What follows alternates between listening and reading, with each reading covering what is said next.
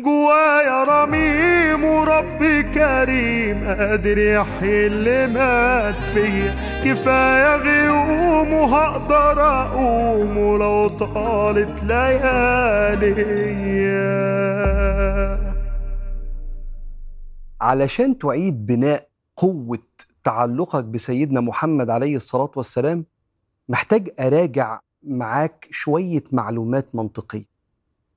أول حاجة راجع فلسفة أو بلاش كلمة فلسفة راجع عقيدة فكرة وجود إنسان ربنا بعته عشان يعلمنا إزاي نطبق الدين.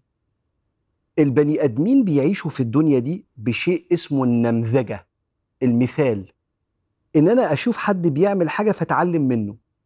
الكلام ده في العلوم بيبقى فيه أستاذ بيفهمني في الصناعات بيبقى فيه اسطى يفهمني أو مهندس يعلمني. في الطب ببقى قاعد تحت الطبيب كده وهو بيشتغل عمال أبص خبرته فكل حاجة بالمثال يتضح المقال بالنمذجة.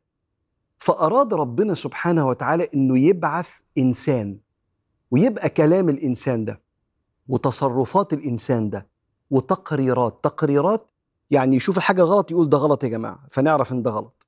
يشوف الحاجة الصح يقول ده صح فنعرف إن يقر الحاجة الصح. التلاتة دول قول فعل تقرير ده النموذج اللي إحنا بنعيش عليه.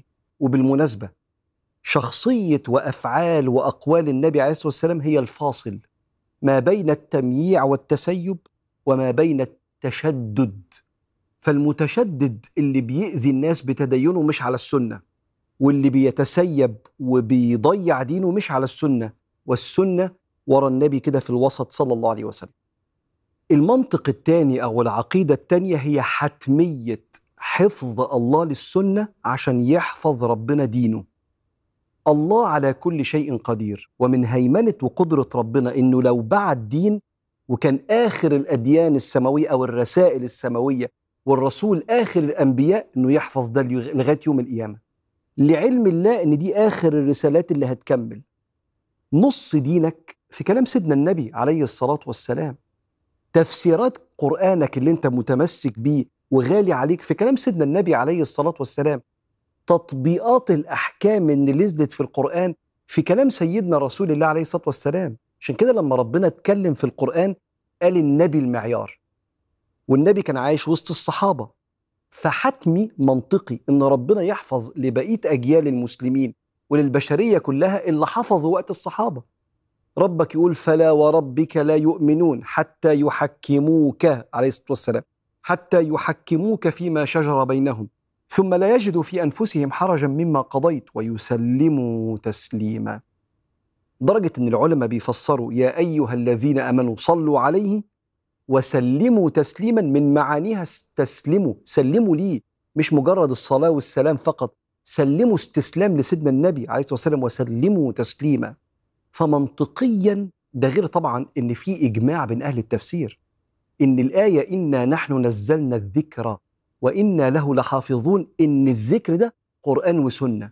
قلنا لهم يا علماء خدتوها منين؟ قالوا خدناها من القرآن. إن ربنا بيقول وأنزلنا عليك الذكر لتبين للناس ما نزل إليهم. فنزل إليك القرآن بينه للناس بالذكر اللي هو السنة. فالذكر قرآن وسنة. يبقى شيء أخير أقول لك عليه عشان تعيد بناء وترميم علاقتك قوة علاقتك بسيدنا النبي عليه الصلاة والسلام. خد كل أسئلتك أو بعض أسئلتك اللي أنت مضايقاك في سنة النبي وفي كلام النبي عليه الصلاة والسلام ولو سمحت. احترم تساؤلاتك دي ومن احترامك لتساؤلاتك تدور على عالم. لما تشوفه تستريح له وتحس ويشهد ليه العلماء إن هو منطقي ومتعلم وبيعرف يشرح عشان تبقى مستريح وانت قاعد معاه. وحط تساؤلاتك بين إيديه. وديبيت معاه. يعني اقعد ناقشه. يقول لك وتستفسر ويقول لك وتستفسر. لغاية ما تشفي هذه الأسئلة. لأن السؤال نصف العلم. ما هو العلم عبارة عن سؤال وجواب. احترم تساؤلاتك دي. لأن تساؤلاتك دي ممكن تكون شكوك تصل بيك لقمة اليقين والتعلق بسيدنا رسول الله. والتعلق بسيدنا رسول الله تعلق بالله من يطع الرسول فقد أطاع الله. قل إن كنتم تحبون الله فاتبعوني يحببكم الله ويغفر لكم ذنوبكم.